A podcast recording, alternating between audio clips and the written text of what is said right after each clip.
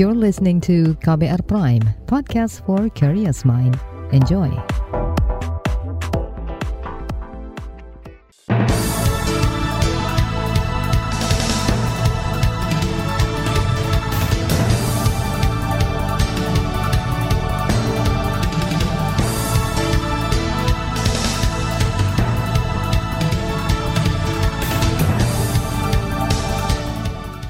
Selamat pagi saudara, senang sekali kami bisa menjumpai Anda kembali melalui program Buletin Pagi KBR edisi Kamis 7 April 2022 bersama saya Ardi Rosyadi. Sejumlah informasi pilihan telah kami siapkan di antaranya Presiden perintahkan jajaran selesaikan polemik minyak goreng. PKS tolak pengesahan RUU TPKS jadi undang-undang. 133 WNI berhasil dievakuasi keluar Ukraina. Inilah Buletin Pagi selengkapnya. Terbaru di Buletin Pagi. Kami sampaikan informasi yang pertama saudara, Presiden Jokowi menegur jajarannya yang tidak bisa menyelesaikan krisis di sektor masing-masing, salah satunya terkait polemik minyak goreng yang tak kunjung selesai. Menurut Jokowi, setiap kebijakan yang dikeluarkan untuk rakyat harus berdasarkan sensitivitas kesulitan masyarakat, sehingga upaya penyelesaiannya bisa dilakukan dengan cepat. Ia juga mengingatkan para menteri agar segera menstabilkan harga-harga khususnya pangan yang terpengaruh krisis ekonomi global. Jangan sampai kita ini seperti biasanya dan tidak dianggap oleh masyarakat nggak melakukan apa-apa. Tidak ada statement, tidak ada komunikasi, harga minyak goreng sudah empat bulan, tidak ada penjelasan apa-apa kenapa ini terjadi. Yang kedua, pertama Menteri juga tidak memberikan penjelasan apa-apa mengenai ini. Hati-hati, Kenapa pertama ceritain dong kepada rakyat ada empati kita gitu loh. Ya ada. Presiden Jokowi juga menginstruksikan jajarannya untuk merumuskan masalah dan solusi cepat terkait minyak goreng. Untuk itu salah satu upaya yang dilakukan oleh pemerintah adalah mengeluarkan kebijakan bantuan langsung tunai atau BLT minyak goreng. Kebijakan ini menyasar 20-an juta masyarakat menengah ke bawah dengan besaran bantuan 300 ribu rupiah yang cair di bulan ini. Sementara itu, terkait langka dan mahalnya minyak goreng, Menteri Perindustrian Agus Gumiwang Kartasasmita mengakui program minyak goreng sawit atau MGS MGS curah dengan harga eceran tertinggi atau HET Rp14.000 belum berdampak signifikan. Padahal kebijakan itu telah dikeluarkan sejak 16 Maret. Kita melihat progres ada, walaupun progresnya masih belum sesuai dengan apa yang kita harapkan. Dan oleh sebab itu, eh, rapat kami, pertemuan kami tadi pagi membahas berbagai macam upaya agar supaya agar supaya progres bisa dilakukan akselerasi. Agus Gumiwang mengklaim telah mengeluarkan peraturan tentang penyediaan minyak goreng curah untuk kebutuhan masyarakat, usaha mikro, dan usaha kecil dalam kerangka pembiayaan oleh Badan Pengelola Dana Perkebunan Kelapa Sawit. Peraturan ini mendorong industri MGS menjalankan kewajiban untuk menyediakan minyak goreng curah guna memenuhi kebutuhan oleh masyarakat. Selain mengeluarkan berbagai kebijakan, Kementerian Perindustrian juga menggandeng kepolisian untuk membentuk Satgas. Kapolri Listio Sigit Prabowo menyebut Satgas akan bertugas mengawasi dan memantau produsen, distributor tingkat 1 hingga 4, serta tingkat pengecer selama 24 jam. Ia juga menyebut segala pelanggaran di lapangan akan ditindak langsung oleh Satgas.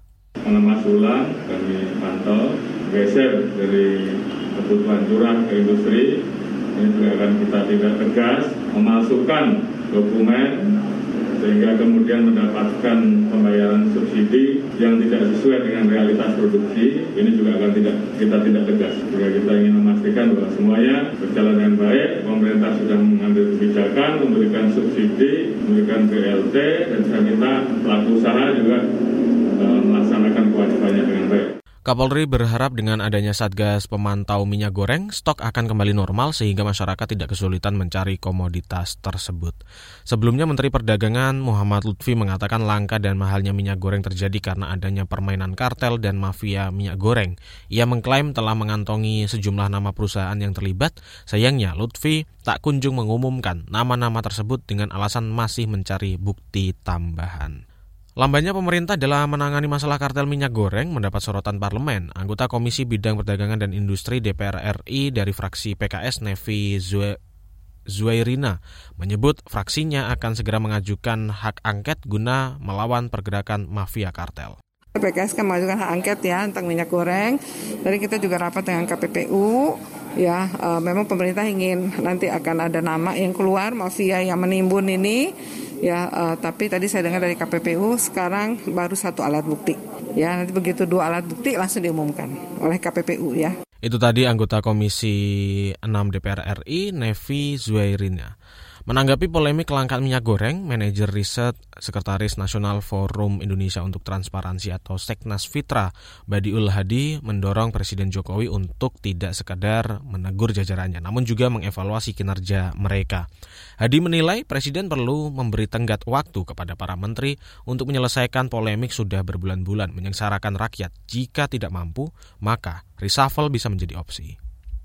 Oke, menteri-menteri terkait ya itu tidak mampu bekerja dan kemudian mau diresapel oleh presiden saya kira sah-sah saja dan itu kan memang hak prerogatif presiden untuk meresapel menteri-menterinya ya tetapi Hadi juga mempertanyakan koordinasi dari kementerian yang menjadi leading sektor isu pangan terutama minyak goreng. Persoalannya, minyak goreng ini seharusnya sudah bisa diselesaikan dalam waktu satu bulan jika semua pihak mau bekerja sama. Saudara PKS tolak pengesahan RUU TPKS jadi undang-undang. Informasi selengkapnya saat lagi tetaplah di Buletin Pagi KBR. You're listening to KBR Pride, podcast for curious mind. Enjoy!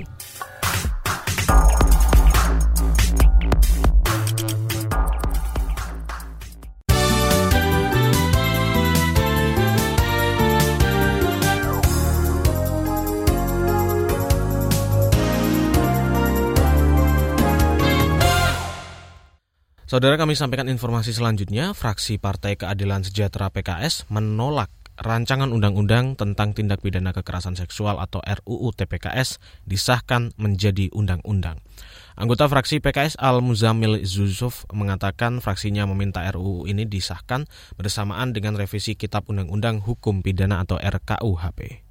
Fraksi Partai Keadilan Sejahtera menolak rancangan undang-undang tentang tindak pidana kekerasan seksual untuk disahkan menjadi undang-undang dan dilanjutkan ke tahap berikutnya sesuai dengan peraturan perundang-undangan sebelum didahului adanya pengesahan RUKHP dan atau pembahasan RUTPKS ini dilakukan bersama dengan pembahasan RUKP dengan melakukan sinkronisasi seluruh tindak pidana kesusilaan yang meliputi segala bentuk kekerasan seksual, perzinahan, dan penyimpangan seksual. Anggota fraksi PKS Al-Muzamil Yusuf menyebut rumusan tindak pidana kesusilaan yang diatur dalam RKUHP sudah komprehensif. Lantaran meliputi perbuatan yang mengandung unsur kekerasan seksual dan yang tidak mengandung unsur kekerasan seksual seperti perzinaan dan hubungan seksual sesama jenis. PKS ingin dua hal tersebut masuk sebagai salah satu bentuk tindak pidana kesusilaan. Kita ke informasi lainnya, Menteri Pekerjaan Umum dan Perumahan Rakyat PUPR Basuki Hadi Mulyono menyampaikan kesiapan sarana jalan nasional yang akan dilalui oleh masyarakat Indonesia pada masa mudik lebaran tahun ini. Basuki mengatakan saat ini panjang jalan nasional adalah 47 ribu kilometer dengan kemantapan secara nasional sebesar 91,8 persen. Basuki menambahkan untuk menyokong jalan nasional terdapat 66 ruas jalan tol yang dapat menopang kelancaran perjalanan para pemudik.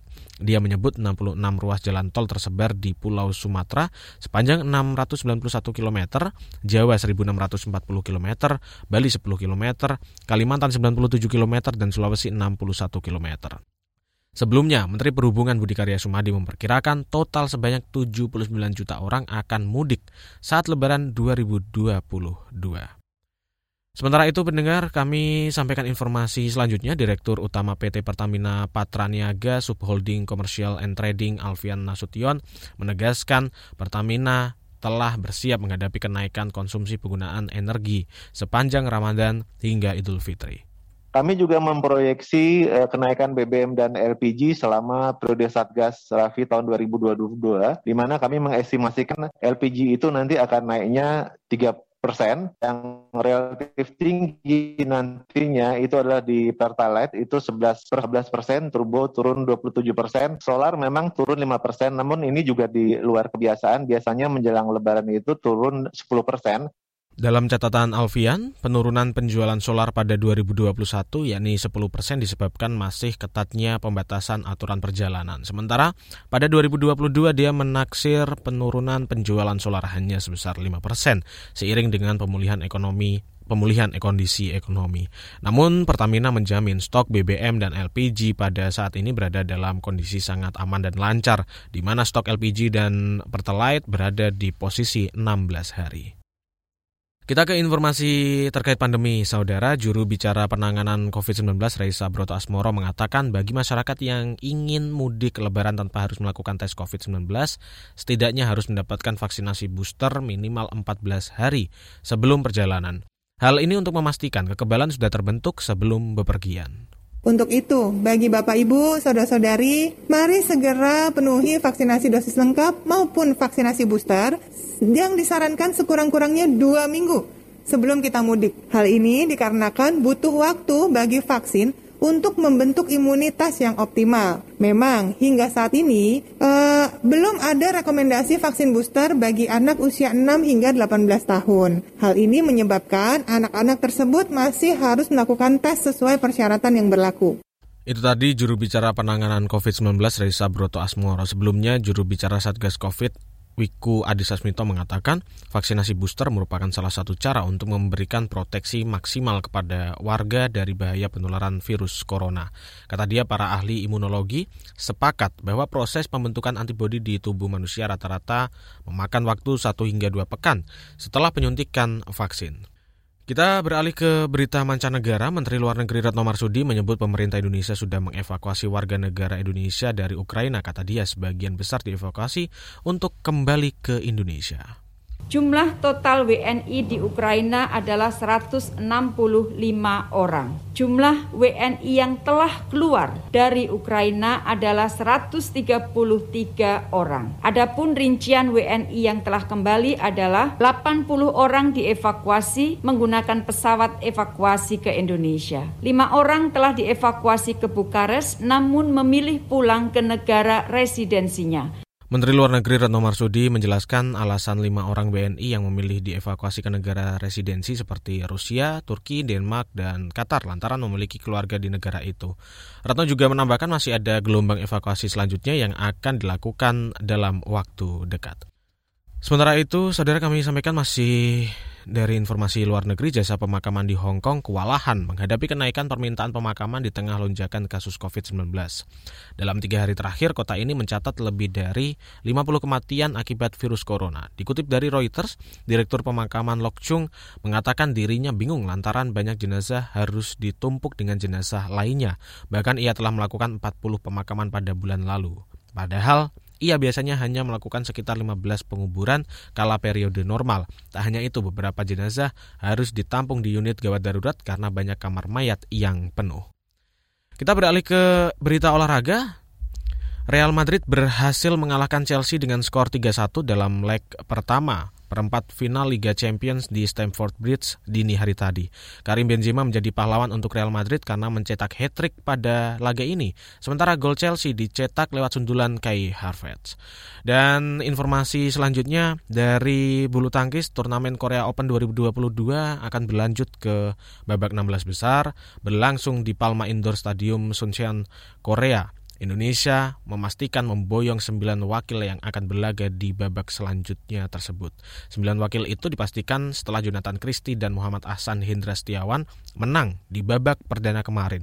Ada tiga sektor yang lolos ke babak selanjutnya, yakni tunggal putra, ganda putra, dan ganda campuran. Di bagian berikutnya kami akan hadirkan laporan khas KBR bertajuk Presiden perintahkan pembantunya berhenti bahas penundaan pemilu. Tetaplah di Buletin Pagi KBR. You're listening to KBR Pride, podcast for curious mind. Enjoy!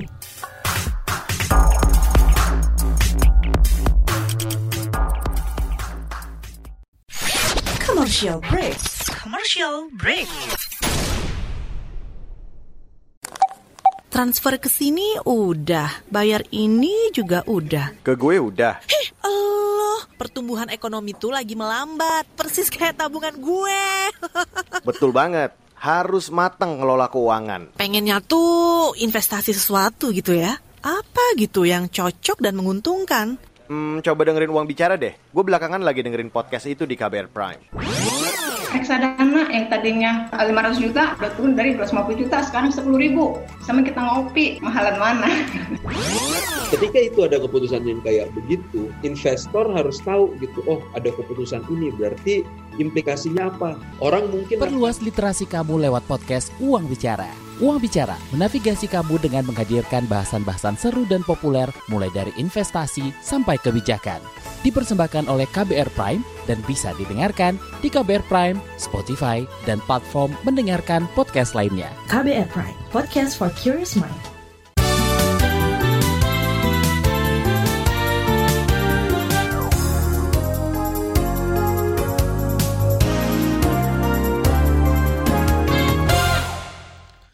Terima kasih Anda masih bersama kami di Buletin Pagi KBR. Saudara kami sampaikan informasi selanjutnya. Presiden Joko Widodo memerintahkan para menteri berhenti membahas usulan perpanjangan masa jabatan presiden dan penundaan pemilu 2024.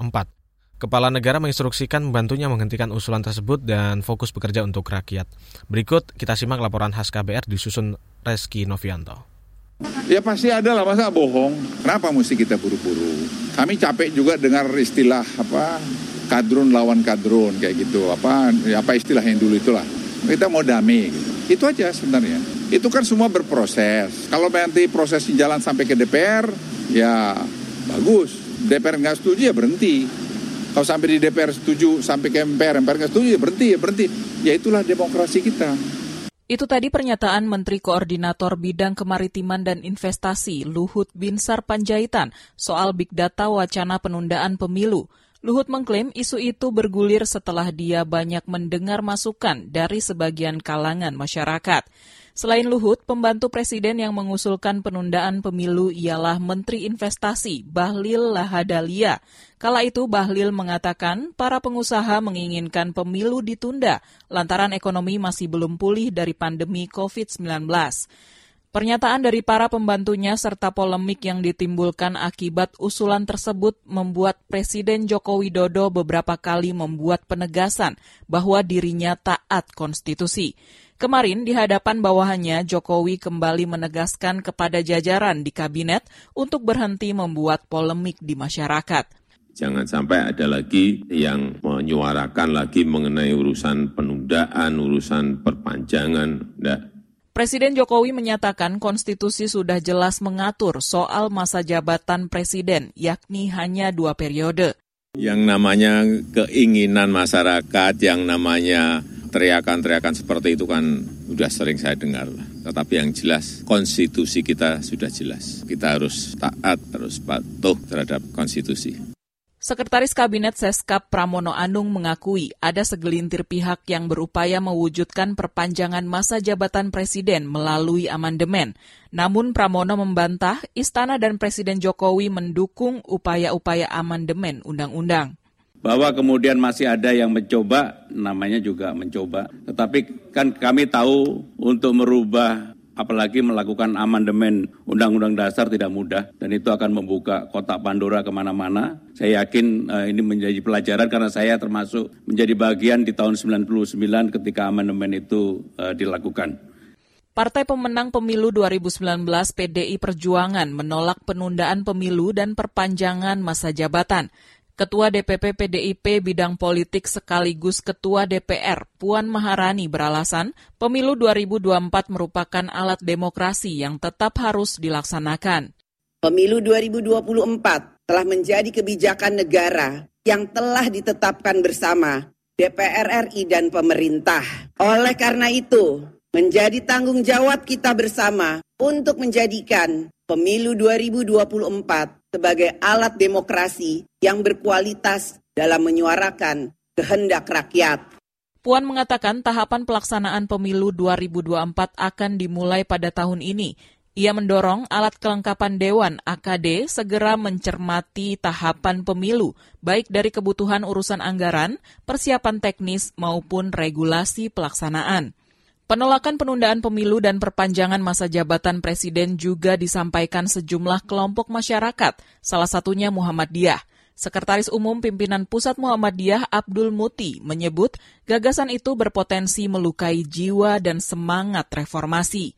Saya dalam berbagai kesempatan tidak bersetuju dengan gagasan penundaan apa, pemilu itu sah-sah saja orang bicara apa saja ini negara demokrasi tetapi kalau sampai itu terjadi menurut saya itu melukai semangat reformasi dan itu juga tidak sesuai dengan jiwa dan semangat Undang-Undang Dasar 45 yang dengan amandemennya itu eh, menuliskan masa jabatan presiden adalah dua periode itu. Abdul Muti mengatakan usulan itu dikhawatirkan akan menjadi warisan kepemimpinan yang kurang baik dan tidak menjadi teladan generasi muda. Dalam laporan sejumlah lembaga survei, sebagian besar masyarakat juga menolak usulan penundaan pemilu 2024. Bahkan kalangan mahasiswa mengancam menggelar aksi demo besar untuk menolak gagasan tersebut. Demikian laporan khas KBR disusun Reski Novianto. Saya Astri Yuwanasari. Informasi dari berbagai daerah akan hadir usai jeda. Tetaplah bersama kami di Buletin Pagi KBR. You're listening to KBR Pride, podcast for curious mind. Enjoy!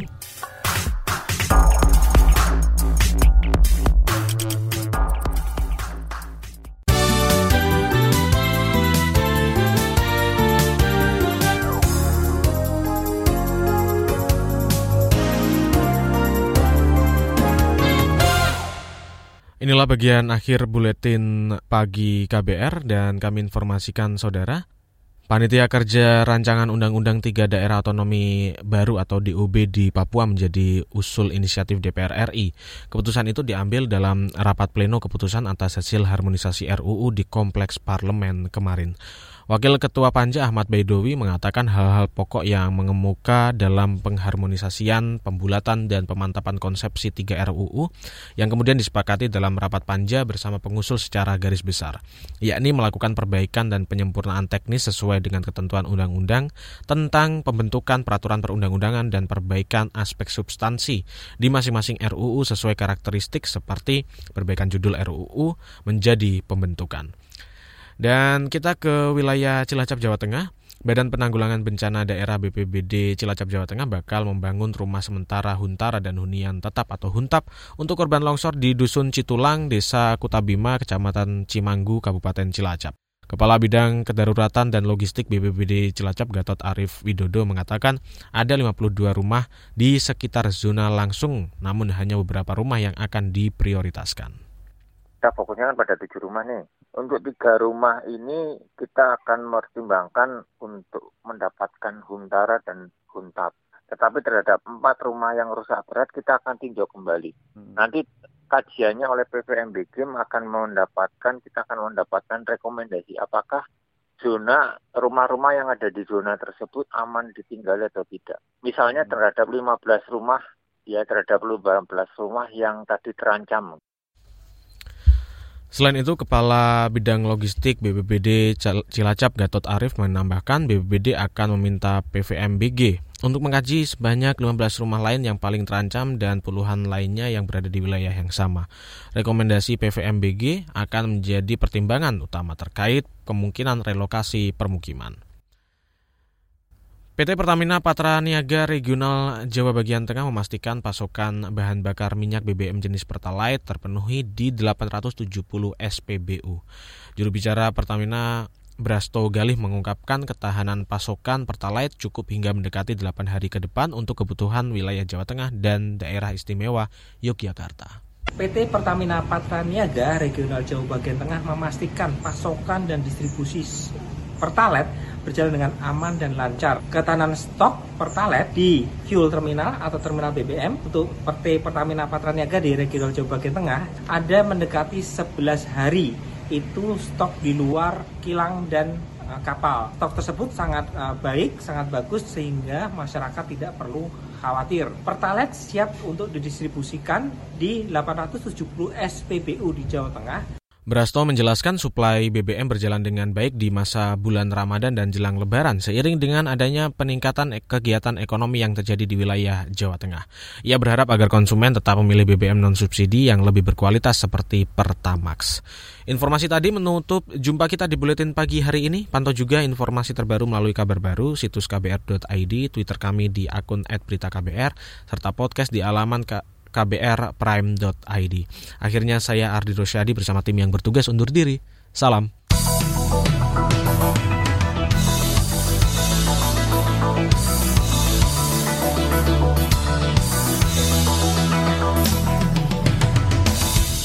KBR Prime, cara asik mendengar berita.